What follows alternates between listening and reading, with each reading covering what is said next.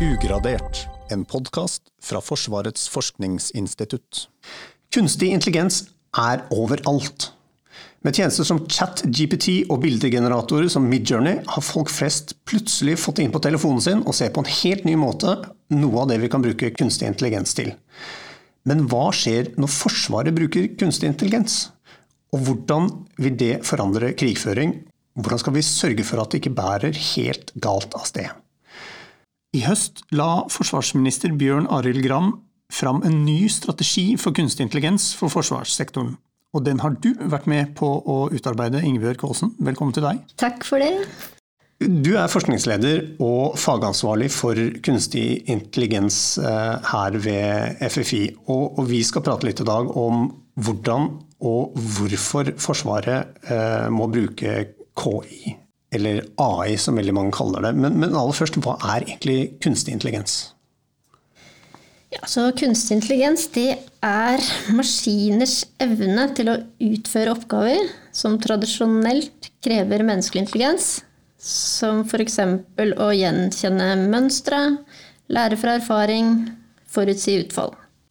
Og i bunn så ligger jo helt grunnleggende statistikk, så systemene lærer fra eksempler. Og ChatGPT som du nevnte, er jo f.eks.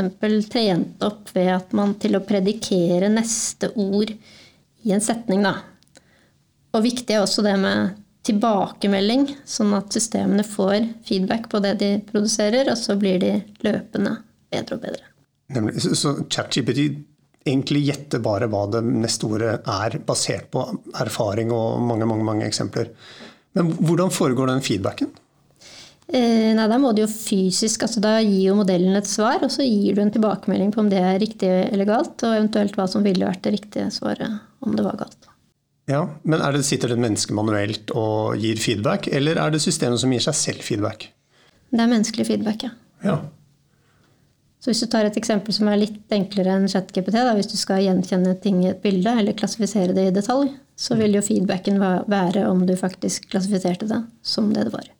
Ja, Så, så det du sier nå, at denne, denne, teksttjenesten som flere og flere bruker, den er basert egentlig på at mennesker har gitt respons og gitt tommel opp eller tommel ned? Ja, så det er vel også grunnlaget for at den ble tilgjengeliggjort så bredt. ikke sant? For da vil jo den interaksjonen, da, den er jo trent opp. Den er grunntrent på å predikere hvordan en setning fortsetter, men så er den jo trent videre da, til å fungere som en samtalepartner. Og da vil jo på en måte den feedbacken den får i samtalen, være tilbakemelding til systemet. Ja, Så den dialogen, det er ikke sånn at man gir konkret feedback, men den dialogen i seg selv fungerer som en feedback? Eh, ja, i det tilfellet der så gjør den det. Og i andre tilfeller er det mer eksplisitt. Mm. En liten sånn digresjon her. Jeg har jo sagt KI nå i, i innledning her, men hva, hva syns du? Skal vi kalle det KI, eller er AI en helt grei forkortelse? Eh, jeg og vi er veldig vant til å kalle det AI, for vi jobber stort sett internasjonalt, og der heter det AI. Så det er vel såpass inngrodd at jeg tror ikke kommer til å endre på det. Jeg kommer til å fortsette å kalle det AI. Men denne strategien som du har vært med, vært med på å, utarbeide, den har en overordna ambisjon. Og det er å utnytte potensialet i kunstig intelligens for å bidra til å fremme Norges sikkerhets- og forsvarspolitiske mål. Eh, så er det her sikkert et veldig sånn stort og omfattende spørsmål, men hvordan er det Forsvaret kan bruke AI? Helt overordnet. Hvilke muligheter er det det gir oss? Eh, mange muligheter, først og fremst. For å gi noen eksempler på det, da, så kan det jo brukes til bedre situasjonsforståelse og beslutningsstøtte. Altså det gir deg muligheten til å utnytte mer informasjon raskere. Men Det vil jo være helt avgjørende med tanke f.eks. på de store interesseområdene til Norge, f.eks. til havs. Så du kan automatisk tolke data da, eh, og utnytte større mengder informasjon. Utnytte raskere. Mm. Få bedre situasjonsforståelse. Hva slags data snakker vi om? F.eks. satellittdata over havområder og hva som skjer der? Ja, Tilgangen på satellittdata er jo også raskt økende. Det er, ingen, det, er ingen, mulighet for å utnytte de mengdene data eh, manuelt. Nei, det er nesten, altså AI er en forutsetning for å dra nytte av det. Det er det. Det er jo andre eksempler òg. Understøtte altså forsvar mot digitale trusler. Det å understøtte Forsvarets evne til å oppdage og motvirke trusler. Innenfor logistikk effektivisere logistikk.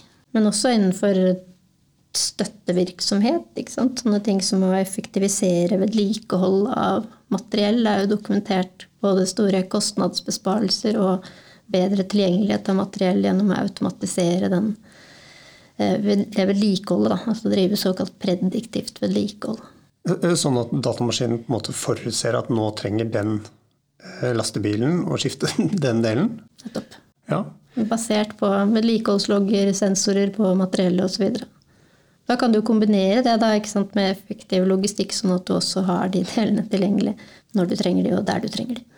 Nemlig. Men det med forsvar mot digitale trusler, altså hvordan går det an å si noe veldig enkelt om hvordan AI kan oppdage trusler der? Du kan si noe veldig enkelt om det. Nei, men, men det er jo vanskelig, ikke sant? men det går jo på en måte Man kan jo f.eks. For forsøke å kjenne igjen mer sånn overordnede karakteristika ved skadevare, f.eks. Sånn at du ikke er nødt til å kjenne til de, hver enkelt trussel, men mer kan flagge at her er det noe som eh, har et mønster eller en, har karakteristika som er suspekte, skal vi si det. Mm, og da kan man også trene opp, uh, trene opp uh, maskinene til å gjenkjenne det? Ja. Så sånn teknisk er jo det en litt ekstra utfordring. ikke sant? For eh, når du trener opp til å gjenkjenne skadevare, så er det jo motstanderen som genererer treningsdataene dine, så da må du naturligvis være ekstra forsiktig. Jeg kan jo kanskje nevne våpensystemer også, da. Ikke sant? For det med å forbedre presisjon i våpensystemer er jo noe som, som AI er egnet til, da. På hvilken måte da? Nei, At du kan få eh, bedre automatisk gjenkjenning av mål da, enn det du kan få med klassiske metoder. skal vi si det. Mm. Ja, jeg, vi vi snakka litt om det før vi begynte innspillingen her i dag. Jeg i hodet mitt, altså Norge lager jo ganske avanserte missiler, f.eks. Uh, eh, Joint Strike Missile, hvor den da faktisk klarer å kjenne igjen et mål. Og I, i hodet mitt så var det en kunstig intelligens, men du mener at det ikke er det? Ja, da kommer vi tilbake måte, til detaljene i hvordan du vil definere kunstig intelligens. Da. Hvis vi snakker om maskinlæring, da, altså datadrevet læring, så uh, er jo det noe annet enn den klassiske AI-en, skal vi si, som er mer statistikkbasert. I dag, altså, er det sånn at Forsvaret allerede bruker eh, AI i dag? Absolutt. F.eks. Eh, droneforsvar. Altså forsvare seg mot droner. Da, og oppdage og agere mot innkomne droner. Sånne systemer. Mm, utvikles i samarbeid med norsk industri. Men Hvordan er det de oppdager det da? Eh, nei, da er det jo ved radarsystemer, da. Mm. Eh, og så hvis du også kobler maskinlæring på de systemene, så er det potensial for å kunne detektere tidligere. Da. Eh, eller noe som man har holdt på med i lang tid, nemlig å automatisk analysere store mengder satellittdata. Da. Sånn at du får et bedre og mer oppdatert situasjonsbilde. Men for å gå litt tilbake til det eksempelet, sånn klassiske skrekkeksempelet som jeg var innom i begynnelsen. Det her med at maskiner blir selvbevisste og snur seg mot mennesket. Altså, det er jo science fiction, men, men, hvilke forsvarsmekanismer og sperrer er det som legges inn for å unngå at et AI-system dreper noe det ikke skal drepe? Det er jo testing. Testing, testing og testing som er på en måte sikkerhetsmekanismen mot det. da.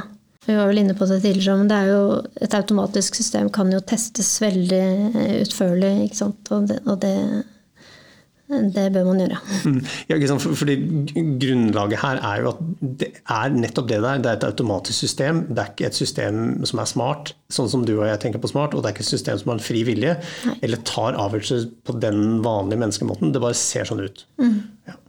Sånn så, så, da er det testing som er eh, den grunnleggende forsvarsmekanismen? Ja, det vil jeg si. Mm. Men hva tenker du egentlig er den største er, Hvis det er noen trusler da, eller noen farer ved å bruke AI, altså, hva, hva, er det? Jeg tenker først på desinformasjon.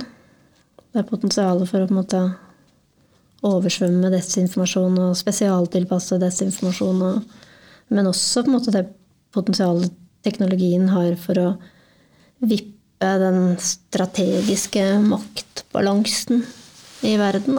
I hvordan tenker du da? Nei, Hvis du blir god til å utnytte dette, så får du jo noen fortrinn som gjør at du Og jeg har ikke lyst til at det fortrinnet skal ligge hos autokratier, f.eks. Så militært, da, hvis du har veldig gode beslutningsstøttesystemer som gjør at du kan legge den eh, vinnende strategien eh, før motstanderen din, da har du jo rett og slett vunnet striden. da. Den strategien dere har jobba med, ser jo også litt på det her med etikk, og at Forsvaret skal bruke kunstig intelligens på en ansvarlig måte. Hva, hva mener dere med det? Ja, det er flere aspekter ved det. da. Mm. Blant annet så må det jo åpenbart være lovlig. Eh, så det du gjør eh, når du utnytter kunstig intelligens, må jo være i henhold til folkeretten, blant annet. Det må være ansvaret må være tydelig plassert. Altså det må være et menneskelig ansvar. Det må være forklarbart i tilstrekkelig del, grad. Altså du må forstå hva det er du driver med. Da. Du kan ikke bare driftssette metodikk som du ikke har tilstrekkelig innsikt i. Da. Mm. Men når du sier det skal være et menneskelig ansvar, hva mener du med det? Det må være noen som tar avgjørelsen om å bruke det systemet i den situasjonen. Og det må være veldefinert hvem det er som har og tar det ansvaret. Ja, andre aspekter er jo det med eh, pålitelighet.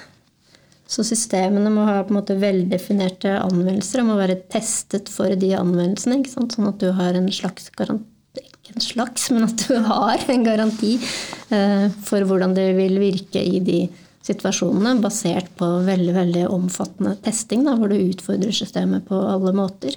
Har du, har du noen eksempler på det? Eh, nei, det er jo egentlig en veldig klassisk en strategi for å driftssette maskinlæringsmetodikk. At du tester veldig utførlig. Og at du utfordrer systemet. Og, og, jeg vil nesten si at det er jo Du kan jo teste et automatisk system mye mer eh, utfyllende enn du kan teste en operatør. Mm. Og, og, sånn som nå, da, For å dra det tilbake til chat-GPT, siden alle har det i lomma. Der kan du jo stille denne spørsmål, og så kommer det med et svar som er riv ruskende galt. Eh, hvordan skal man sørge for at eh, de AI-systemene som Forsvaret bruker, ikke gjør det? Ved å teste dem. Ja.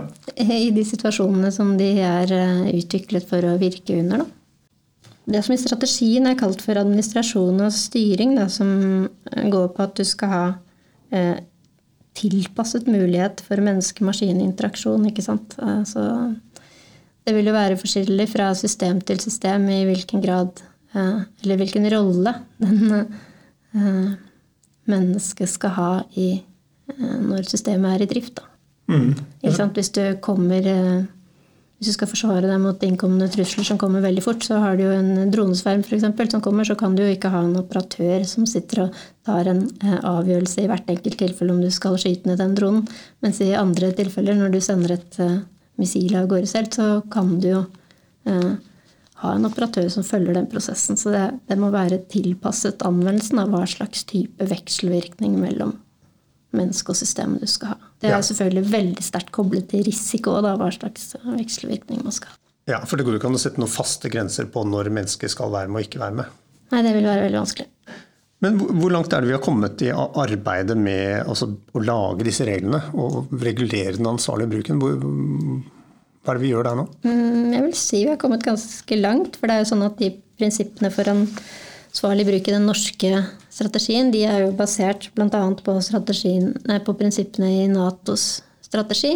Eh, og i Nato så foregår det et arbeid med å operasjonalisere de prinsippene. da altså etablere standarder og beste praksis. Og gå veldig konkret til verks med å starte med use caser og finne ut hva, hvordan skal vi gjøre det i disse tilfellene her. Men det, det jobber på veldig ambisiøse tidslinjer. Da. Så innen utgangen av året så skal man ha førsteutkast klar til praksis for hvordan du utvikler og operasjonaliserer AI på en god måte. Mm. Men, men, hvis vi altså, i Norge eller Nato eh, unilateralt legger inn begrensninger og sperrer for vår egen bruk av AI. Altså, hva hvis motstanderne våre ikke gjør det, og ikke har de samme sperrene? Ja, Det er jo noe som det jobbes veldig aktivt med. så Blant annet så er jo Norge med i et forum som heter AI Partnership for Defense. Som, eh, der mange nasjoner deltar. Og der er jo på en måte hensikten å eh, bidra til ansvarlig eh, bruk av AI for eh, forsvarsformål. Da, mm. er, det, er, det, kun fra Nato, eller det, snakker vi om alle Det er utenfor Nato, ja. Så det er vel 16 nasjoner som er med i det forumet, og det er Nato pluss, skal vi si det. Men hva er det som har kommet ut av dette arbeidet? da? Altså, er det noen felles internasjonale standarder sånn på plass nå, eller gjenstår det fortsatt mye jobb? Ikke internasjonale standarder, men det er jo på en måte erfaringsdeling.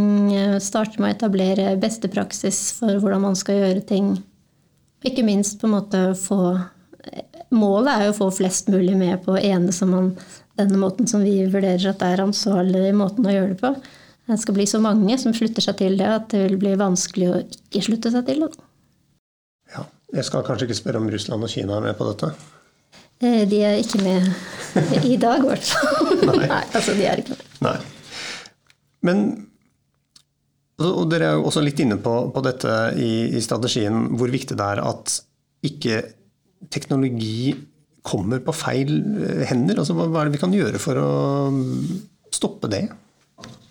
Der tror jeg man må retenke litt den åpenhetskulturen som er på det området her. Da. For det har jo vært en veldig kultur for å dele data og dele modeller og, og hardware-komponenter fritt tilgjengelig og kjøpe for hvem som helst. Så det, der er man nok nødt til å ha økt bevissthet med, om hva man deler med hvem. Tenker du på andre land, eller? Ja, både land og aktører. Rett og slett tenke eksportbegrensning, og på en måte mm, vurdere kritisk hva du deler med hele verden ved å åpent tilgjengeliggjøre det. Men her på FFI, hvordan er det vi forsker på eh, kunstig intelligens? Først og fremst så forsker vi på de tingene som er viktige for Forsvaret. Så når vi snakket om i stad hvilke anvendelser, eh, hvordan dette kan og bør utnyttes av Forsvaret, så er det veldig tett opplinjert med hva vi forsker på her på FFI. Men jeg vil jo poengtere at i tillegg til å se på de rene anvendelsene, skal vi kalle det så jobber vi jo også mye med grunnforståelse av teknologien. Altså utforske og forstå i stor dybde da, hvordan dette faktisk fungerer. Da. Kanskje et dumt spørsmål, men hvorfor er det viktig at vi sitter her og gjør det? Det er jo så mange som holder på med det internasjonalt. Nei, jeg tenker at Man må ha den forståelsen selv. for Hvis du bare leser om hva, hva andre gjør, så får du ikke samme Eh, dybde i forståelsen din. Og hvis du skal kunne gjøre gode vurderinger om hva du bør og ikke bør gjøre, så er du nødt til å skjønne dette ordentlig selv, og det gjør du ved å, å forske på det, men også gjøre det i praksis. Så det er vel den vekselvirkningen da, med å erfare og studere det i dybden som gjør at du får det gode grunnlaget for å, for å gjøre gode vurderinger. Da. Mm. Men vi, jeg vil at du skal fortelle litt mer om den altså helt konkrete. En ting er den grunnforskningen og teknologiforståelsen, men vi går jo også litt videre og begynner å utvikle såkalte prototyper på, på både kjøretøyer og båter og droner. Altså, hva er det vi jobber med her? Ja, Hvis du tenker på autonomisiden av det, så utvikler man jo prototyper ja, for autonome farkoster, og der er det jo åpenbart eh, AI involvert i de systemene. Eh, så det er jo for å teste og se hvordan, hvordan bør sånne systemer være for å fungere godt i våre områder, f.eks. Ja. Mm. Det er noen eksempler. Så nevnte jeg jo drone, altså antidronesystemene. Det er jo tilsvarende systemer der vi bidrar til utvikling av det. Da. Eh, men også en masse sånn programvare for å automatisere tolkning av, av data fra ymse eh, og systemer som Forsvaret har. Og når vi var inne på ting som ikke er direkte på, på anvendelse, skulle si det, så har jeg også lyst til å fortelle at det med å forske på hvordan systemene kan gjøres sikre og robuste, det er også vesentlig for oss og noe som vi har en del fokus på på FFI. Da. Fordi, fordi det her er jo noe som Forsvaret eh, til slutt blir nødt til å kjøpe fra en eller annen kommersiell aktør eller en industriaktør. Men hvorfor er det viktig at vi sitter med sikkerheten og tester ut det på forhånd? Det er jo ikke alltid sånn at Forsvaret må kjøpe fra en kommersiell aktør. For i noen tilfeller så, så, er det jo ingen aktør som tilbyr akkurat det som Forsvaret har behov for for de aktuelle systemene. Og da tar jo FFI en rolle som utvikler også, da. Så vil si vi gjør begge deler. En, en viktig del av denne strategien som, som kommer nå, det er og så siterer jeg ordet 'fange alle data som kan brukes av KI'. Hva, hva mener vi med å fange data i denne sammenhengen, og hvorfor er det viktig? Det er jo litt sånn at de dataene som eh, Forsvaret har behov for, det er jo litt spesielle data. ikke sant? Eh, data fra plattformene våre og i operasjonsområdene våre. Sånn. Dette er jo ikke data som er tilgjengelig eh, ute i verden. Så de må vi samle selv da, og sørge for at vi har tilgjengelig som grunnlag for å utvikle den eh, eh, funksjonaliteten som vi ønsker da, basert på. Mm. Hvordan skal vi fange sånne data? da? Er det snakk om å sette kameraer på stridsvogner? Nei, det kan være enklere enn som så. Det kan jo være å bare passe på at du lagrer og lagrer på et uh, hensiktsmessig format de dataene som plattformene og systemene dine produserer. Da. Mm. Men det, hvis vi skal ta, begynne å bruke kunstig intelligens i Forsvaret, så, så, betyr jo det kanskje at vi må gjøre ting litt annerledes. Eller på en ny, en ny måte enn vi har gjort eh, fram til nå. Og Samtidig så er jo Forsvaret liksom bundet opp i tradisjoner og drilling av operasjoner og systemer, og alle skal vite hva, nøyaktig hva de skal gjøre når, ting, når det blir alvor. Altså, hvordan skal vi ta, klare å ta i bruk eh, kunstig intelligens i et sånt system? Altså, hvordan skal vi sørge for at det blir operasjonell innovasjon, og at organisasjonen tilpasser seg de nye mulighetene som ligger i den teknologien? Der er jeg veldig positiv, for vi har vekselvirket ganske mye med norske forsvaret. Jeg opplever de som i høyeste grad endringsvillig. Det er jo også litt av grunnen for at vi har kunnet være tidlig ute med å ta det i bruk i Forsvaret. Eh, men det er klart at når du skal ta det i bruk på bred front da, i mange deler av Forsvaret, så vil det jo også kreve at man eh, klarer å rekruttere eller omskolere sånn at man har den kompetansen som, som trengs. da. Mm. Så både omskoleringstil, men hva med materiell og sånn? da? Hvordan kan vi sørge for at liksom, vi utnytter potensialet der. Ja, Man kan jo se på hva man kan gjøre med det materiellet som er, og med det de dataene som produseres og det materiellet i dag, men kanskje viktigere er jo å se på når man anskaffer nytt eller oppgraderer, at du gjør det på en sånn måte at du sørger for at dataene som produseres, egner seg for å, for å utnytte teknologien. Da. Ifølge denne strategien så skal systemer og materiell som ikke kan virke inn i eller støtte KI-strukturen, nedprioriteres eller fases ut. Og det her vil de gjøre for å frigjøre midler til nyanskaffelser og modernisering. Og da Aller først, da, hva er det de tenker på, eller hva er det dere tenker på når dere snakker om KI-strukturen, eller AI-strukturen? Ja, det er jo rett og slett en struktur som lar deg utnytte AI på en hensiktsmessig måte, da. Og det involverer jo sånne ting som infrastruktur for å håndtere dataene, at de systemene som produserer data, gjør det på en hensiktsmessig form. Alt det som ligger til grunn for å kunne utnytte KI hensiktsmessig i Forsvaret, vil jeg si. Nemlig. Men, men jeg blir litt nysgjerrig. da, ikke sant? Har vi allerede identifisert systemer eller materiell som ikke passer inn her? Altså Noe som kommer til å bli overflødig eller nyttig pga. Eh, AI? Ja, det er ikke noe som FFI har sett på, i hvert fall. Så det som vi har fokus på, det er jo å uh, jobbe med å utnytte teknologien best mulig på de plattformene og systemene som er. Mm. Men for at Forsvaret skal nå, uh, nå disse målene, så, så, sies det jo at vi må samarbeide med de ledende miljøene internasjonalt og i Norge. Altså, hvem er det som egentlig er best på, på AI internasjonalt? Det er USA. Er det det? Ja. I Europa så er det Storbritannia, og så er jo også Kina en betydelig aktør på det området her, da. Hvordan kan man måle hvem altså På hvilket grunnlag er det du sier at USA er best? Eh, nei, det fins jo institusjoner som publiserer Som trekker hvem som publiserer hva i hvilke tidsskrifter og hvilken effekt det de utvikler har. og det fins andre som lager statistikk over sånn, men det er jo også det inntrykket man får når man er ute på den internasjonale forskningsarenaen og ser hvem som er der og hva de har gjort. Mm. Så fortsatt et vestlig teknologiforsprang på det området der? Ja, men det skal også sies at Kina satser kjempeaktivt, ikke sant? sånn at det gapet har jo minsket raskt. Men helt til slutt, og det, det her er et vanskelig spørsmål for dere forskere, men jeg skal likevel be deg om å prøve å se liksom litt fram i tid, om 20 år. Altså, hvordan, hvordan, ser du for deg at Forsvaret bruker kunstig intelligens da? Kan du beskrive en situasjon, eller en, fortelle helt konkret hvordan KI kommer inn i bildet i den situasjonen? Ja, så hvordan, hvordan eh, KI vil brukes om 20 år, det er rett og slett helt umulig å si. For man husker på at eh, Hvis vi kan kalle det moderne AI, det var jo ikke oppfunnet engang for 20 år siden. Og I tillegg så har jo vi på FFI forskere som forsker på i hvilken grad man klarer å, å, å predikere eller spå eh, om teknologiutvikling. Og den forskningen tilsier jo at på 20 års horisont så klarer du ikke det særlig godt. Og du klarer det definitivt ikke bedre hvis du kan mye om fagområdet. Så det tror jeg rett og slett bare er notorisk vanskelig. Men det som er helt sikkert, det er at, at, at det vil få veldig stor eh, effekt på Forsvaret. Det vil være helt transformativt i forhold til hvordan Forsvaret vil operere.